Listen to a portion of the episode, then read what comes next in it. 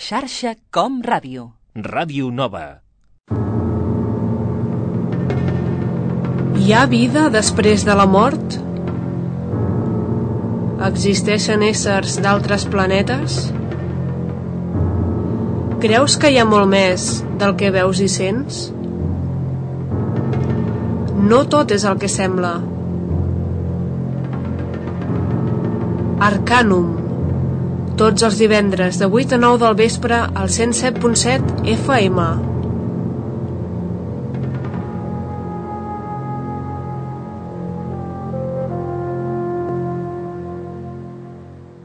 Arcanum. Arcanum.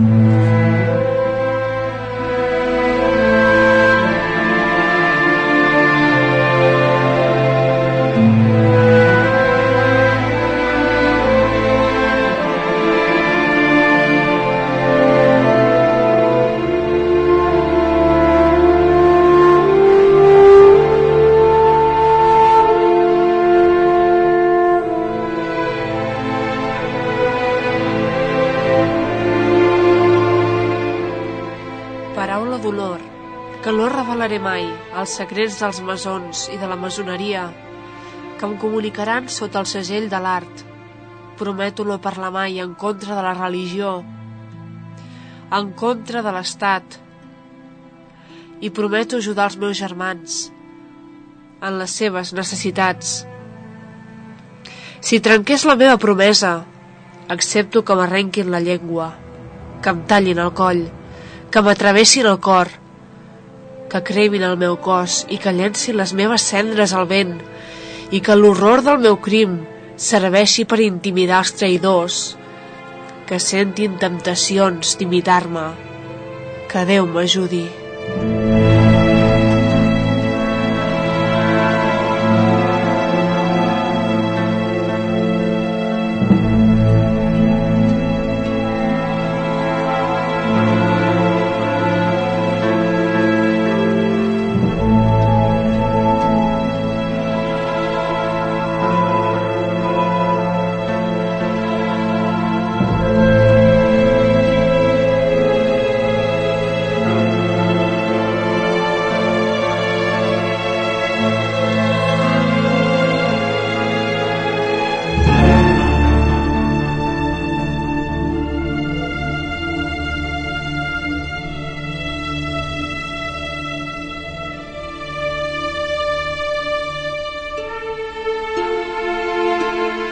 Bona nit, ens retrobem de nou a Arcanum.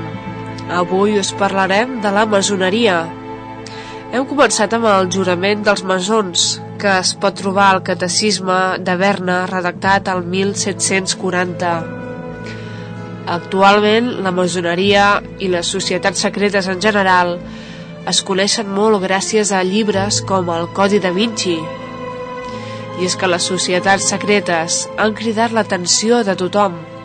Es parla de templaris, del priorat de Sió i moltes altres societats, com ara la masònica. D'orígens incerts, dels que avui us parlarem, una societat misteriosa, històrica, inspiradora i protagonista de moltes publicacions literàries. A l'últim programa us parlava de sectes. Per alguns, la masoneria n'és una de secta, però jo voldria desmentir-ho, tenint en compte que la masoneria no pretén manipular els seus membres, sinó motivar-los a pensar lliurement i a tenir un aprenentatge que es manté en secret.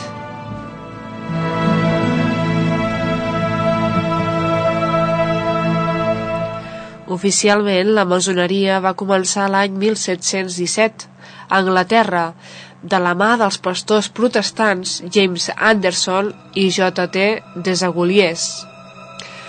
Però hi ha documents masònics que daten de 1390 i 1450, com ara el manuscrit Regius o el manuscrit Matthew Cook. Podem dir, doncs, que la tradició masònica és antiquíssima, del segle XIV, però influenciada per cultures molt anteriors, com ara la salomònica. I és que té una gran importància simbòlica el temple de Salomó, on trobem que el sol és al centre i l'altar assenyala la constel·lació d'Àries. Aquesta decoració es pot apreciar a les lògiques masòniques, on es representa el sol i els signes del zodíac.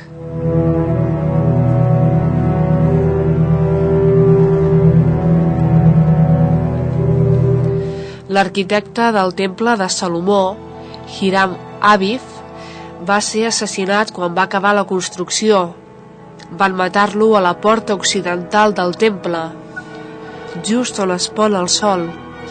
Aquesta mort està relacionada simbòlicament amb la mort del déu egipci Osiris, que s'aixeca d'entre els morts, a Occident.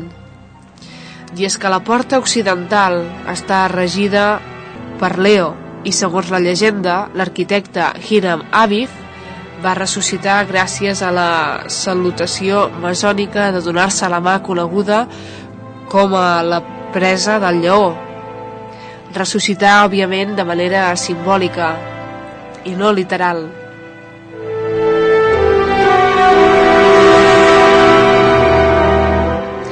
L'entrada del temple de Salomó es caracteritzava per dues columnes anomenades Jaquim i Boaz, que trobem representades també en una carta del tarot, la sacerdotesa, que simbolitza la saviesa, el misteri i el fet de dirigir-se cap al coneixement.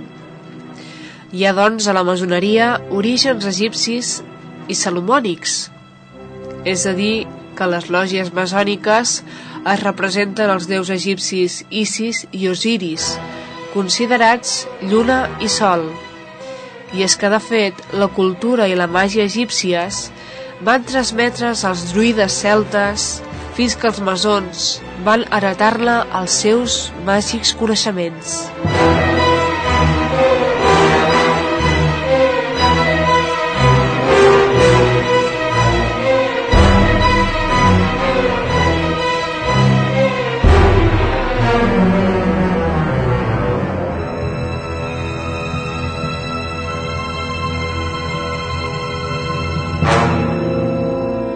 Egipte no només va inspirar els celtes i els masons, sinó que ha inspirat a molts artistes al llarg del temps. Un d'aquests artistes és Andreas Bollenweider, un compositor actual de música experimental i New Age, i que es veu molt inspirat també per Egipte en aquesta cançó que escoltareu ara, Mantos a Rou d'Esfinx. I veureu com té un so molt oriental. És una cançó que podeu trobar al seu àlbum Book of Roses i que a més a més té molt d'encant. Sobretot cal tenir en compte la veu femenina que canta. Segur que us agradarà. El seu àlbum Book of Roses és, tal com indica el títol, un llibre de roses. Una història i en què les lletres són notes musicals Anem a escoltar aquest Mantos Arrou d'Esfinx.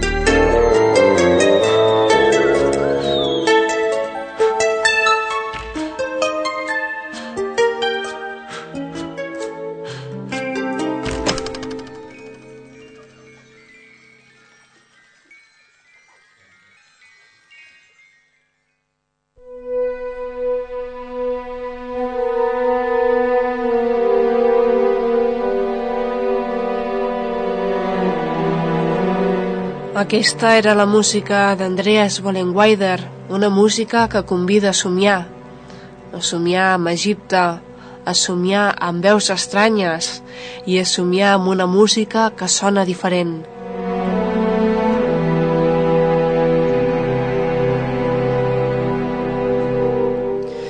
I és que la societat masònica ha estat formada sempre per persones que somiaven diferent, pensaven diferent i es van organitzar.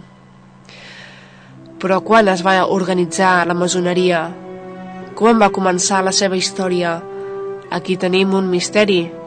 L'escriptor Robert Grave, autor de Jo Claudi, entre altres, va comentar que la masoneria va introduir-se a Escòcia, precisament, en aparença de gremi d'artesans, directament relacionats amb els templaris. Aquest grup hauria recopilat molta documentació islàmica i jueva, i és que de fet es diu que el sufisme és la versió islàmica de la masoneria. També s'ha dit que la masoneria prové dels sabeus, un grup d'artesans que practicaven una doctrina helenística que es basava en un comunisme iniciàtic i en un ritual de profund companyerisme.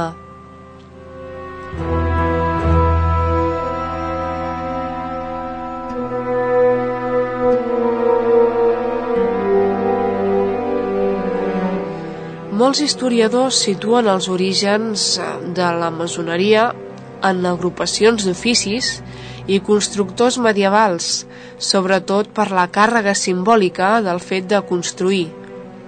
A les catedrals trobem molts símbols, molts missatges que es transmeten a tothom i que estaven pensats per a grans masses de gent que no sabia llegir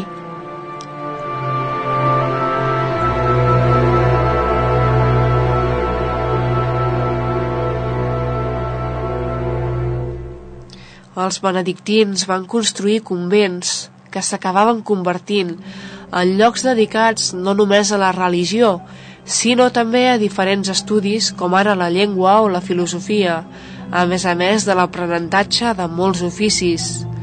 Aquí veiem, doncs, un clar origen del que és o pot ser la masoneria, un grup de gent amb inquietuds espirituals que es decideix a intercanviar coneixements, D'aquí ve també el que s'anomena la pedra bruta, el fet simbòlic de treballar la pedra, és a dir, la construcció de l'home espiritual, aquell que aprèn de manera constant a ser millor.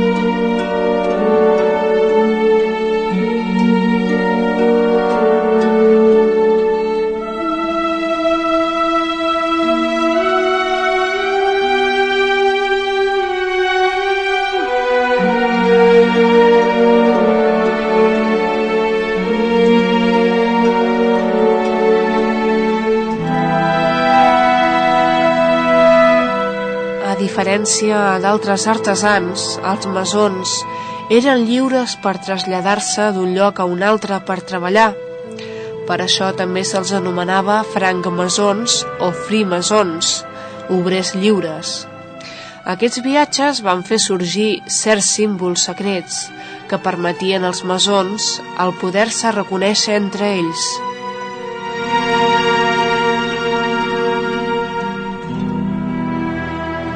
Al segle XVII es va passar la construcció, en el sentit literal, a un altre tipus de construcció.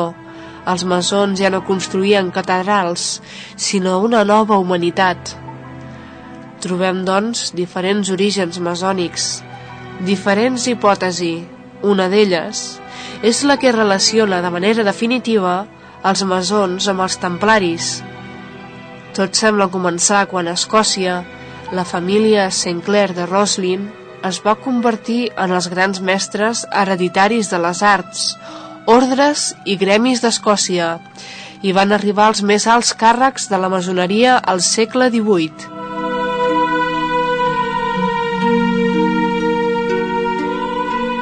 La relació entre Roslin i els templaris comença a la primera croada. Henry Sinclair i va participar al costat del fundador del temple Hughes de Paynes, casat amb la seva neboda Catherine. Més endavant va rebre el títol de baró. William Sinclair coneixia els manuscrits que els templaris van recuperar del temple de Salomó i va construir la capella de Roslin per conservar-los i construir una nova Jerusalem.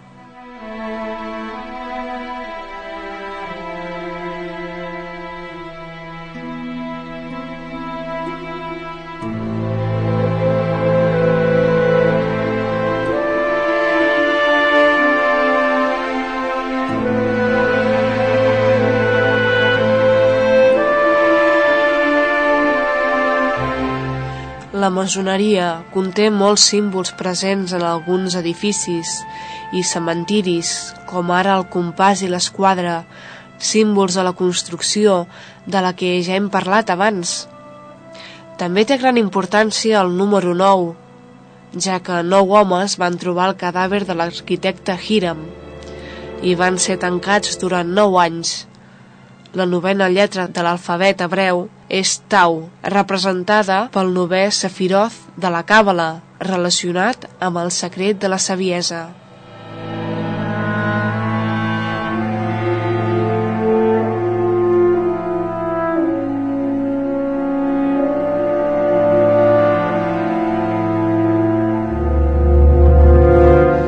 Van sorgir, però, alguns desacords dins de la masoneria anglesa i es va dividir en dos grups ben definits, els antics i els moderns, que temien que els antics volguessin conservar el patrimoni jacobita, partidari del suposat dret diví de la monarquia, la qual cosa era una amenaça per la casa Hanover, protestant. Per als jacobites, la llegenda de la mort de Hiram era una alegoria sobre l'assassinat de Carles I Stuart, com si es tractés de símbols dels partidaris de venjar la mort d'aquest rei per coronar el seu fill. Aquesta masoneria, anomenada jacobita, tenia gran influència templària i va involucrar-se en la política. Quan es va intentar enderrocar la monarquia i matar a tota la família reial, la masoneria va involucrar-se en conspiracions antimonàrquiques per venjar la mort del gran mestre masó i Jacques de Molay, assassinat per la Inquisició.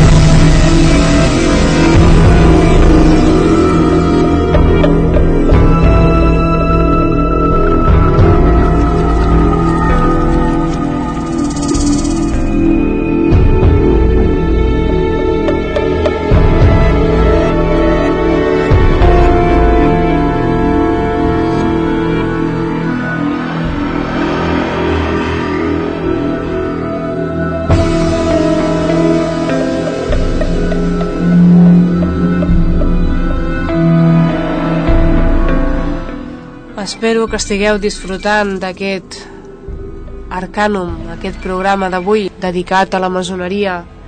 Heu de saber que dins de la masoneria hi ha hagut molts personatges importants, com ara Josep Bonaparte, el germà de Napoleó Bonaparte, i la seva germana, Josefina Bonaparte, que va arribar a ser gran mestra de la masoneria femenina. També tenim altres personatges, com ara Goethe, el gran poeta alemany, o Mozart, el gran compositor. Aquest compositor va ser realment un gran admirador de la masoneria i a la seva gran obra mestra, l'òpera La flauta màgica, va ressorgir molts símbols masònics ja que els personatges d'aquesta òpera estan en ple procés d'iniciació, emprenen un camí ple d'aventures que els portarà a nous coneixements, a revelar-se ells mateixos molts secrets. Per què no recordem, doncs, una d'aquestes meravelloses àries de l'òpera La flauta màgica? Recordem la més famosa, l'ària de la reina de la nit. Aquí la teniu.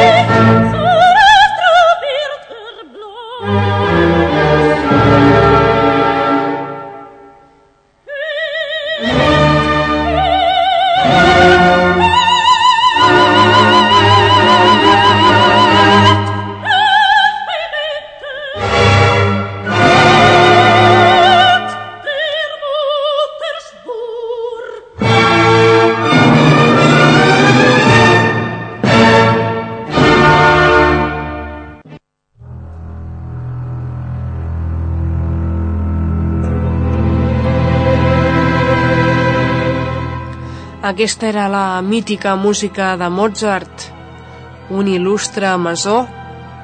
Heu escoltat l'ària de la Reina de la Nit, cantada per la soprano Karin Ott. I és que Mozart va tenir una mort molt misteriosa i alguns la relacionen amb la masoneria. De fet, hi ha moltes hipòtesis també sobre la mort d'aquest geni. Va ser assassinat alguns diuen que va morir per problemes renals. Altres, com l'autor Peter Schaffer, a la seva obra de teatre Amadeus, parlava de la possibilitat de que el compositor Antonio Salieri l'hagués assassinat per enveja. Però hi ha altres hipòtesis, com per exemple, hi ha qui creu que els masons van assassinar a Mozart perquè va revelar alguns dels seus coneixements secrets en obres com aquesta, com la gran òpera La flauta màgica.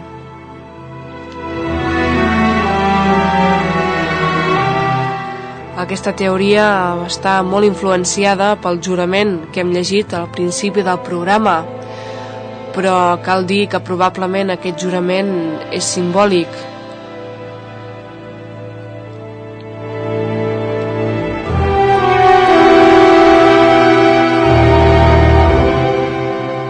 que Mozart revelés alguns secrets de la masoneria no significa que els seus companys masons l'assassinessin, no significa ni que l'arrenquessin la llengua ni li tallessin el coll en el sentit literal, ja que, com hem dit, probablement el jurament dels masons que hem llegit al principi sigui únicament simbòlic.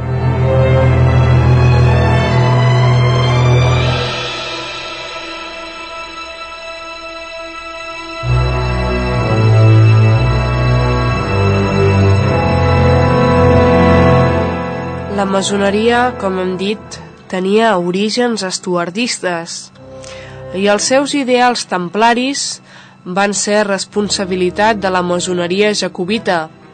El baró de Hunt tenia alts càrrecs masònics l'any 1743 i va dir ser un iniciat templari en una societat fundada per un misteriós cavaller anònim que lluïa un barret decorat amb una pluma vermella. Segons documents del grup Stella Templum, aquest personatge era Alexander Montgomery, comte d'Eglinton, tot, i la, tot i que la versió extraoficial indica que aquest misteriós personatge era en realitat Carles Stuart Stuart. Aquest enigmàtic cavaller va fundar a Alemanya un nou grup neotemplari que combinava el paganisme amb la religió cristiana.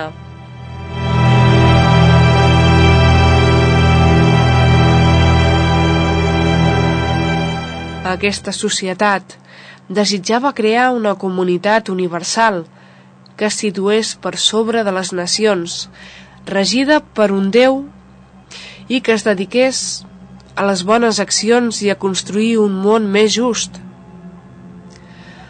Aquesta comunitat havia de ser governada per un rei descendent de Jesús, ja que alguns sectors de la masoneria creien que Jesús havia tingut fills. D'aquí l'herència dels templaris, un grup religiós que creia que Jesús havia tingut descendència i que es dedicaven a protegir aquesta descendència i els secrets misteriosos de Jesús, secrets que hi ha escrits en els evangelis apòcrif i que recentment el Codi da Vinci ha tret a tots els mitjans de comunicació despertant moltes polèmiques.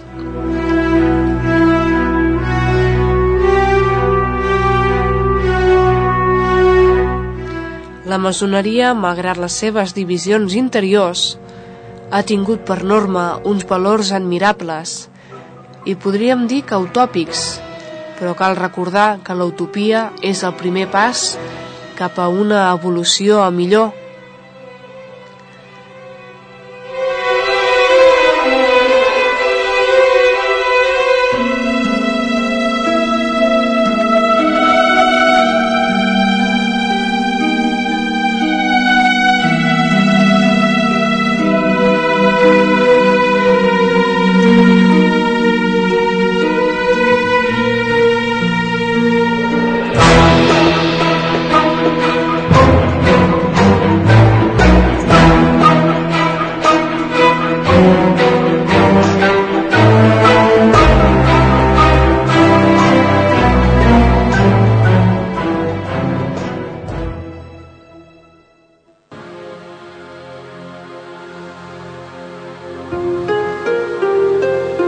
viscut alguna experiència estranya? No saps en qui parlar-ne? Et preocupa que no et creguin?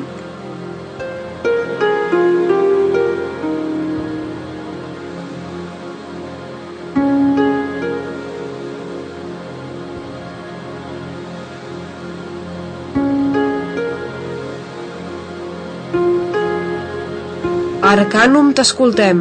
Escriu-nos arcanum arroba vilanovadelcamí.net i explica'ns la teva història.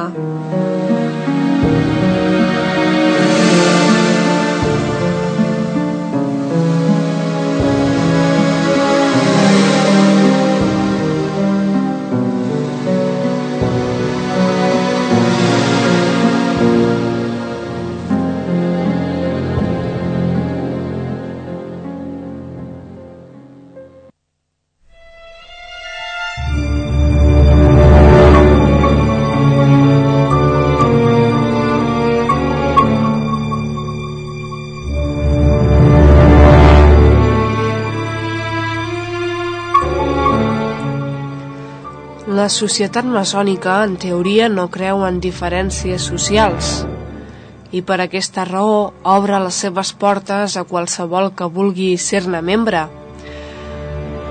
Cal, però, que passi les proves d'iniciació i que tingui els mateixos valors, independentment de la seva classe social, ètnia o sexe, ja que una autèntica lògia maçònica no discrimina les dones i fomenta la igualtat, completament imprescindible, en un món just. Per desgràcia, però, no sempre ha estat així. Existeixen lògies masculines i lògies femenines. Durant molts anys, les lògies femenines se les ha anomenades lògies d'adopció. Afortunadament, però, també hi ha lògies mixtes en què la dona pot tenir els mateixos drets i les mateixes possibilitats de tenir graus més elevats dins de la masoneria.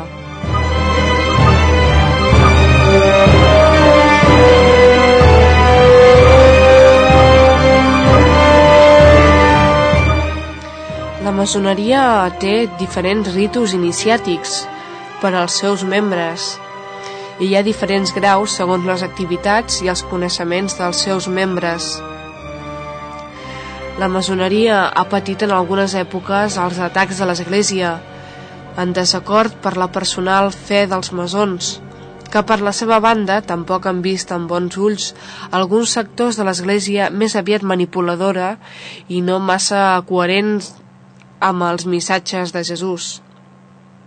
Qui va fer una gran campanya contra la maçoneria va ser el dictador Franco, que va voler donar una imatge de desprestigi a la masoneria, culpable, segons ell, de molts problemes socials injustificats.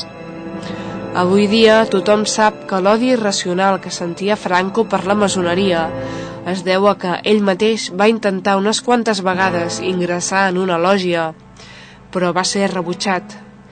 I és que un dictador no encaixa en absolut en una societat que creu en la igualtat i en la justícia. Així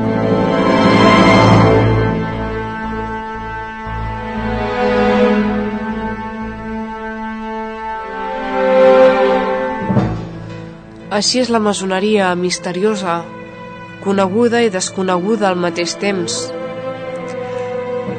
Pot ser que es publiquin molts llibres sobre masoneria, pot ser que apareguin moltes novel·les, però tot i així segueix sent un misteri i segueix sent una sèrie de suposicions el que estem parlant, perquè per conèixer la masoneria secreta n'has de formar part.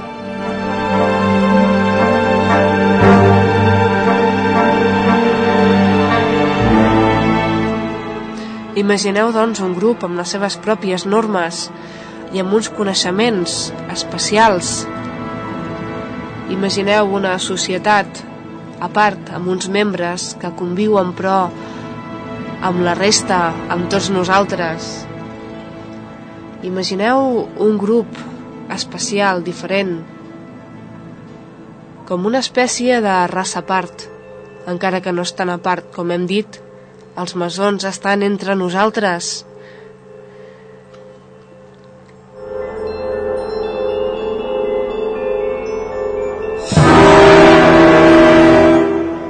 Abans hem escoltat una peça d'Andreas Bollenweider, Mantos, Arrow and the Sphinx. Escoltem ara una altra peça d'Andreas Bollenweider, una altra peça del seu llibre de roses. Aquesta vegada es tracta de The Grand Ball of the Dulges, la gran pilota dels Dulges. Es tracta de un altre nou conte de fades, del senyor Bollenweider. Una música que, com heu pogut comprovar, sona diferent. Comproveu una vegada més amb aquesta fantasia que escoltareu ara mateix.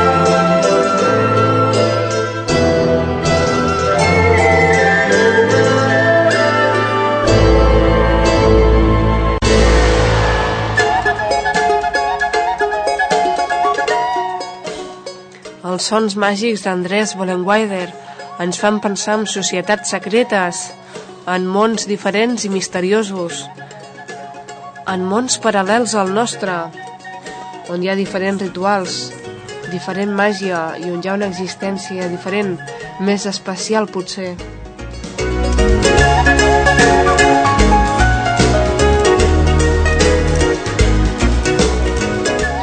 I seguim a Arcanum parlant de la masoneria.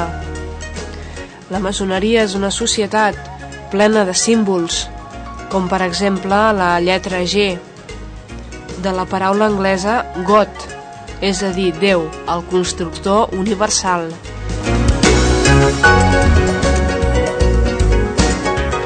També hi ha un altre símbol que és l'esquadra, que regula les accions de les persones.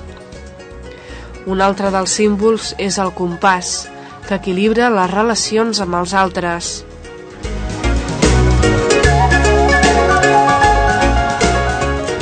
També hi ha el davantal, que simbolitza el treball, i la seva blancor indica les bones intencions i la igualtat.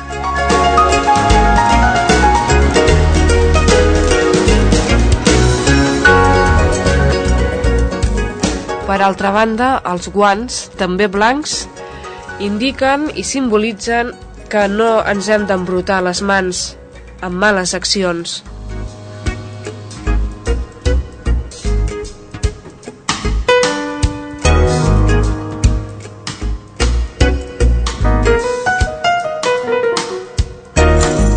També tenim com a símbol la Bíblia, el llibre sagrat, que pels masons serveix per regular la fe, regular la fe i meditar sobre ella.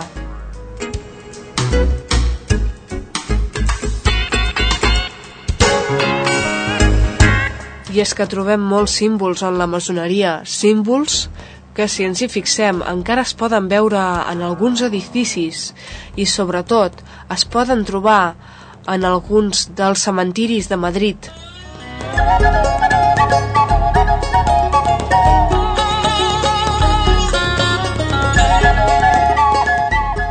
Sembla mentida que tinguem tants misteris a vegades tan a prop nostre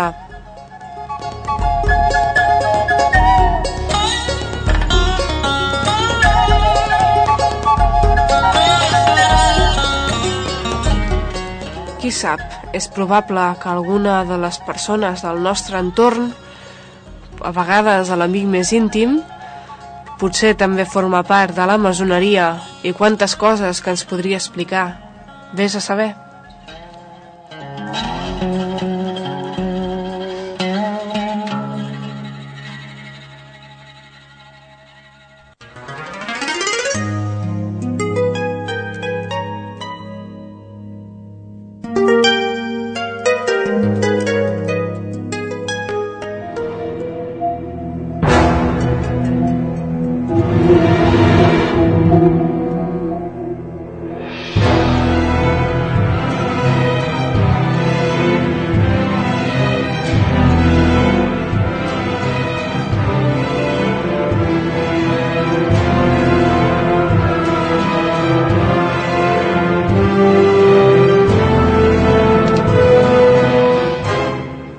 Parlat de que per entrar en una lògia masònica cal presentar-se a un ritual previ d'iniciació.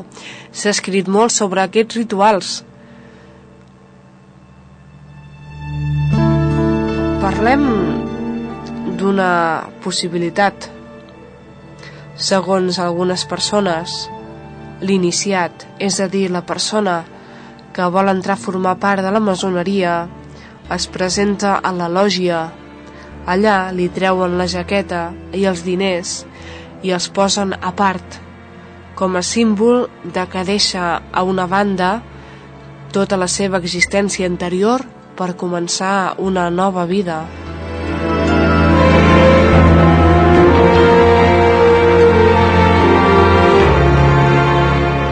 Aleshores em venen els ulls a l'iniciat i un guarda anomenat Tiller l'acompanya a l'interior de la lògia, concretament a una sala que té un altar i unes columnes dobles i el terra està enrajolat com si fos una taula de jugar escacs.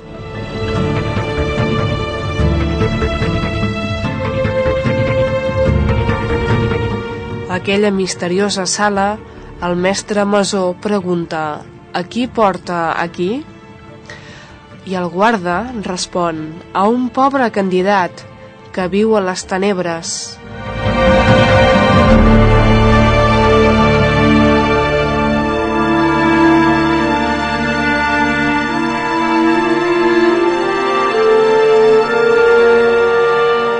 Aleshores, és quan l'iniciat li desenvenen els ulls i ell fa el seu jurament el jurament ple de promeses que hem llegit al principi del programa. A continuació, se li ensenyen les paraules salomòniques, els símbols masons i se li entreguen les eines, les eines del treball, de les que hem parlat abans, el compàs, l'esquadra, tots aquests símbols de la feina, de la construcció, i és que els masons van construir catedrals, i des de llavors sempre han volgut construir una nova humanitat.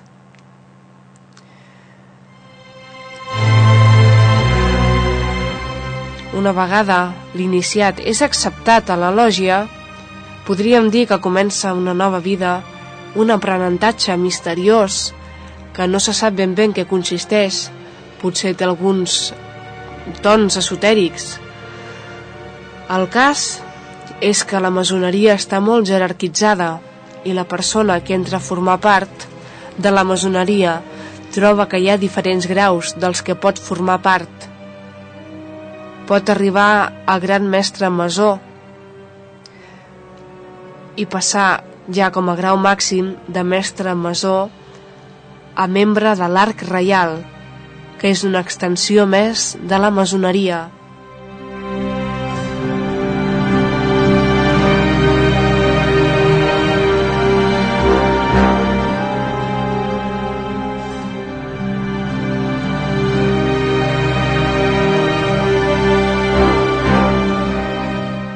S'han escrit més versions sobre el ritual d'iniciació.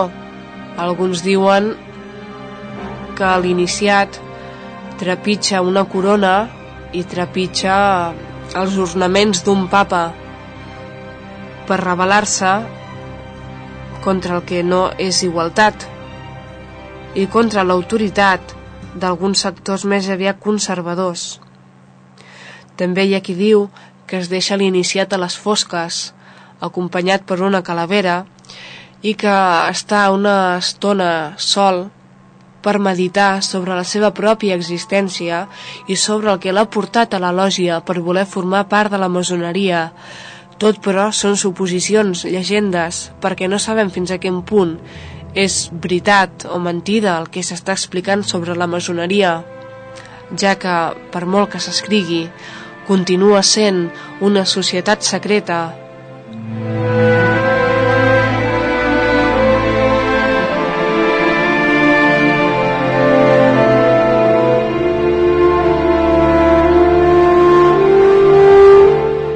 deixar enrere la teva vida anterior, meditar sobre la teva existència i començar una nova vida amb un nou aprenentatge.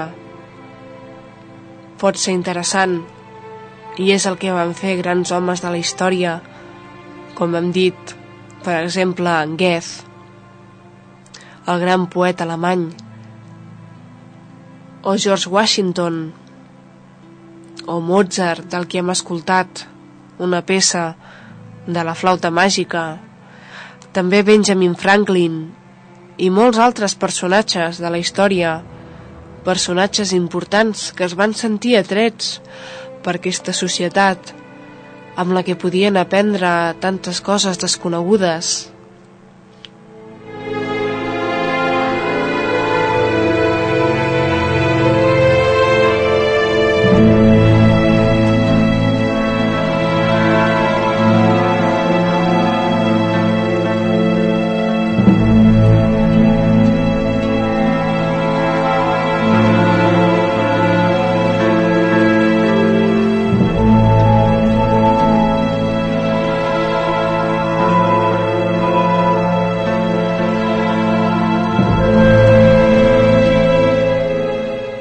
rituals, esoterisme, templaris, una altra visió de la religió, quantes sorpreses més amaguen els masons.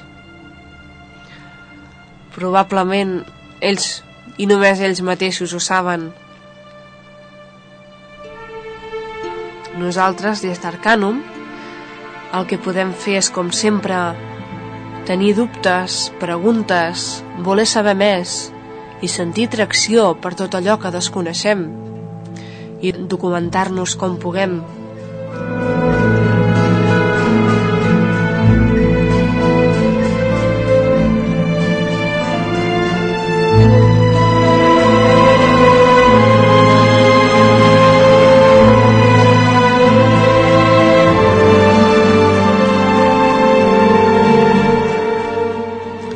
Que volen els masons és construir un món millor, endavant, a construir un món millor, amb el compàs, amb l'esquadra, amb tots aquests símbols que són més aviat el coneixement i les ganes d'aprendre i seguir endavant, ganes que hem de tenir tots des del lloc que ocupem a la societat, independentment de que formem part de la masoneria o no, valdrà la pena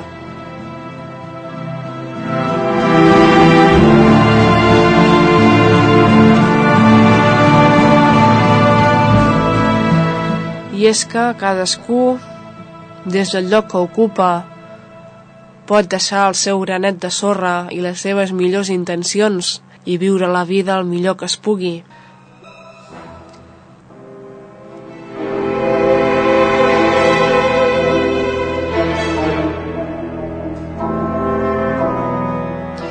així acabem, doncs, el programa d'avui, aquest arcànum de 4 de maig, esperant que us hagi agradat el programa d'avui i que ens veguem la propera setmana. Moltes gràcies per escoltar Arcanum i molt bona nit.